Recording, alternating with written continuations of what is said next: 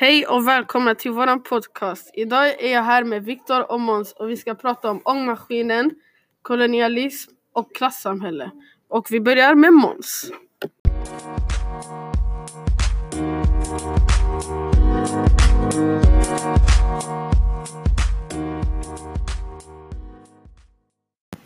Målet med en ångmaskin är att omvandla värmeenergi till rörelseenergi genom att hetta upp ånga. Eh, eh, Eh, och eh, det skapar ett tryck. Eh, man, man utnyttjar trycket med en pistong som rör sig fram och tillbaka.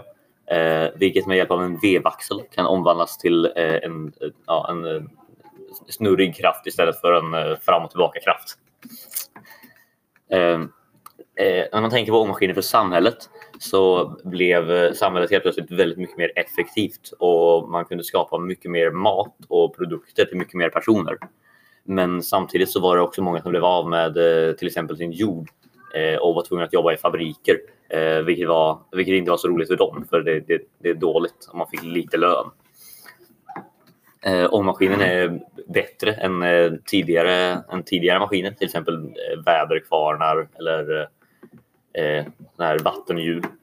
Men eh, de flesta efterträdarna som kommer efter ångmaskinen är mycket bättre. Till exempel Ottomotorn eller eh, eh, elmo- el, elmotorer och många andra.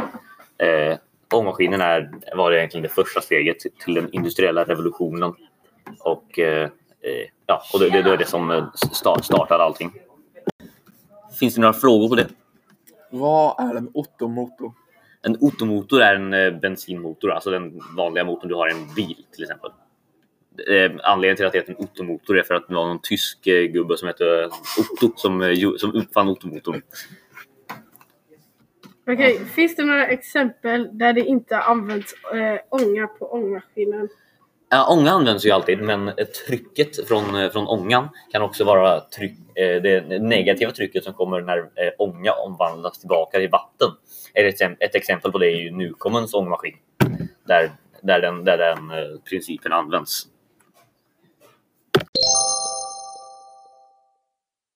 Okej, det är Fabio och ni ska prata om kolonialismen. Eh, kolonialism innebär att ett land erövrar och utnyttjar ett annat område. Alltså kolonier då, som ligger utanför deras egna landområde. Så till exempel eh, Portugal skulle ta över vet du nu, Kap Verde och få alla deras resurser och sånt. Och helt enkelt bara äga landet. Eh, det, det kan involvera exploatering och exploatering betyder utnyttja, innebär, och det innebär att en resurs används precis som jag sa. Eh, det fanns kolonier redan under antiken, men ordet kolonialism används framför allt eh, om de europeiska länderna som, eh, kol- som koloniserade från 1500-talet och framåt. Eh, kolonisation började när stora riken började ta form under forntiden och antiken.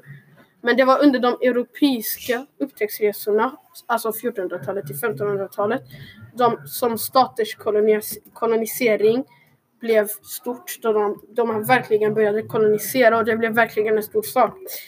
Eh, på 1500-talet så dominerade portugisisk, portugisisk portugiserna i handeln med Asien och anlände flera kolonier i landet. Men på 1600-talet så började de engelska, holländska och franska kompanierna att konkurrera med Portugal. Eh, av dagens stater i, utanför Europa så är det bara tio som inte har en bakgrund av att ha varit europeiska kolonier.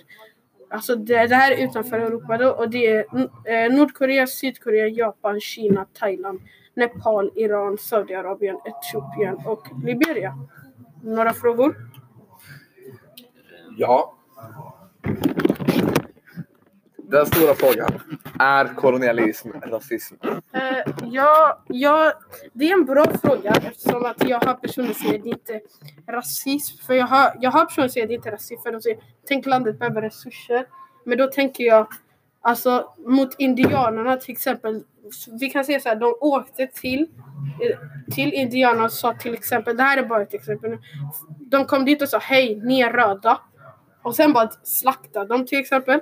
Och jag tycker de, de länderna som blir mest koloniserade är vet vad heter det nu, afrikanska länder eftersom att de är mörkhyade och de är svagare. Eller inte svagare men alltså de har inte lika mycket så här, försvar som de andra länderna har. Och det är därför och det leder till att nu så blir många svarta personer kallade för slavar. Eh, jag har en fråga. Eh, eh, men skulle man inte då kunna säga att rasism är en konsekvens av kolonialism? Eh, ja, det är det. Man kan, man kan säga det såklart. Och jag tror det här med rasism, rasism skulle inte hända om, eh, om afrikanska länder då skulle ha bättre försvar. Så, ja. Alltså som militär då. Okej, så industriell, eh, vad säger jag, eh, kolonialism är inte rasism, men, men, men rasism är en konsekvens av kolonialism? Exakt, exakt. Okej, bra. Så, ett klassamhälle och det är specifikt övergången till ett klassamhälle. Eh, Ett klassamhälle brukar beskrivas som olika socioekonomiska tillstånd i ett samhälle. De här brukar även delas in i överklass, medelklass. Ibland lägger man in arbetarklass och underklass som olika. Ofta brukar båda gå under arbetarklass. Klassamhället växer fram genom att, eh, precis som Måns beskrev tidigare, i samband med ångmaskinens effektivisering och exploatering.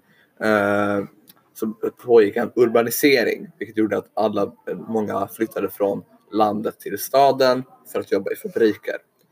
Eh, dessa personer blev arbetarklassen. Arbetarklassen hade låga löner och var väldigt många arbetare. Eh, eh, och de var anställda utav borgare som hade lyckats investera i att starta fabriker, ta ett lån och så vidare. Dessa borgare blev överklassen. Borgarna tjänade pengar på det här genom att gå från en småskalig produktion med handkraft till storskalig produktion med maskiner. Så man tjänade på att istället för att göra allting för hand, göra det långsamt och sälja det dyrt så kunde man göra mycket sätta kvantitet och kvalitet på samma gång och sälja det för ett lägre pris då produktionskostnaderna var lägre. Eh, man betalade extremt låga löner till arbetarna eh, och det ökade vinstmarginalen ytterligare. Eh, Fabriksägarna hade möjlighet att sätta nästan vilka löner som helst då arbetarna inte hade några alternativ i princip. De behövde ta vilket jobb de än fick oavsett hur låg lön det var. Därav skapades, ett, skapades fackförbund för att ge rättvisare löner och ge, hjälpa arbetarklassen att stå upp för sig själva. Det var arbetare som gick ihop, ville få en bit av kakan helt enkelt. Eh, det är egentligen allt som finns att säga om klassamhälle. Klassamhället lever kvar än idag. Eh, men i Sverige så är det extremt lätt, enligt många i alla fall, att göra klassresor. Har vi några frågor? Ja, var det några filosofiska eller politiska idéer som uppstod i och med den klassövergången? Vad kul att du frågar Måns. Eh, ja, det, det fanns en herre vid namn Karl Marx. Eh, som bodde i Tyskland, därav Marx. Eh, han började tänka i de kommunistiska banorna, eller snarare de marxistiska banorna som är en del av de kommunistiska tankegångarna. De här eh, filosofierna bygger på eh, att alla ska ha samma möjlighet till framgång oavsett eh, vilken familj och vilken socioekonomisk bakgrund du har. Eh, detta ledde till att folk blev arga på fabriksägare som de tyckte tog allting, eh, alla pengar utan att ge arbetarna någonting och fabriksägarna gjorde inget själva. Detta är kommunismen idag. Det var allt för denna gången Sofie. Jag hoppas du gillar den här uppgiften och grattis i förskott.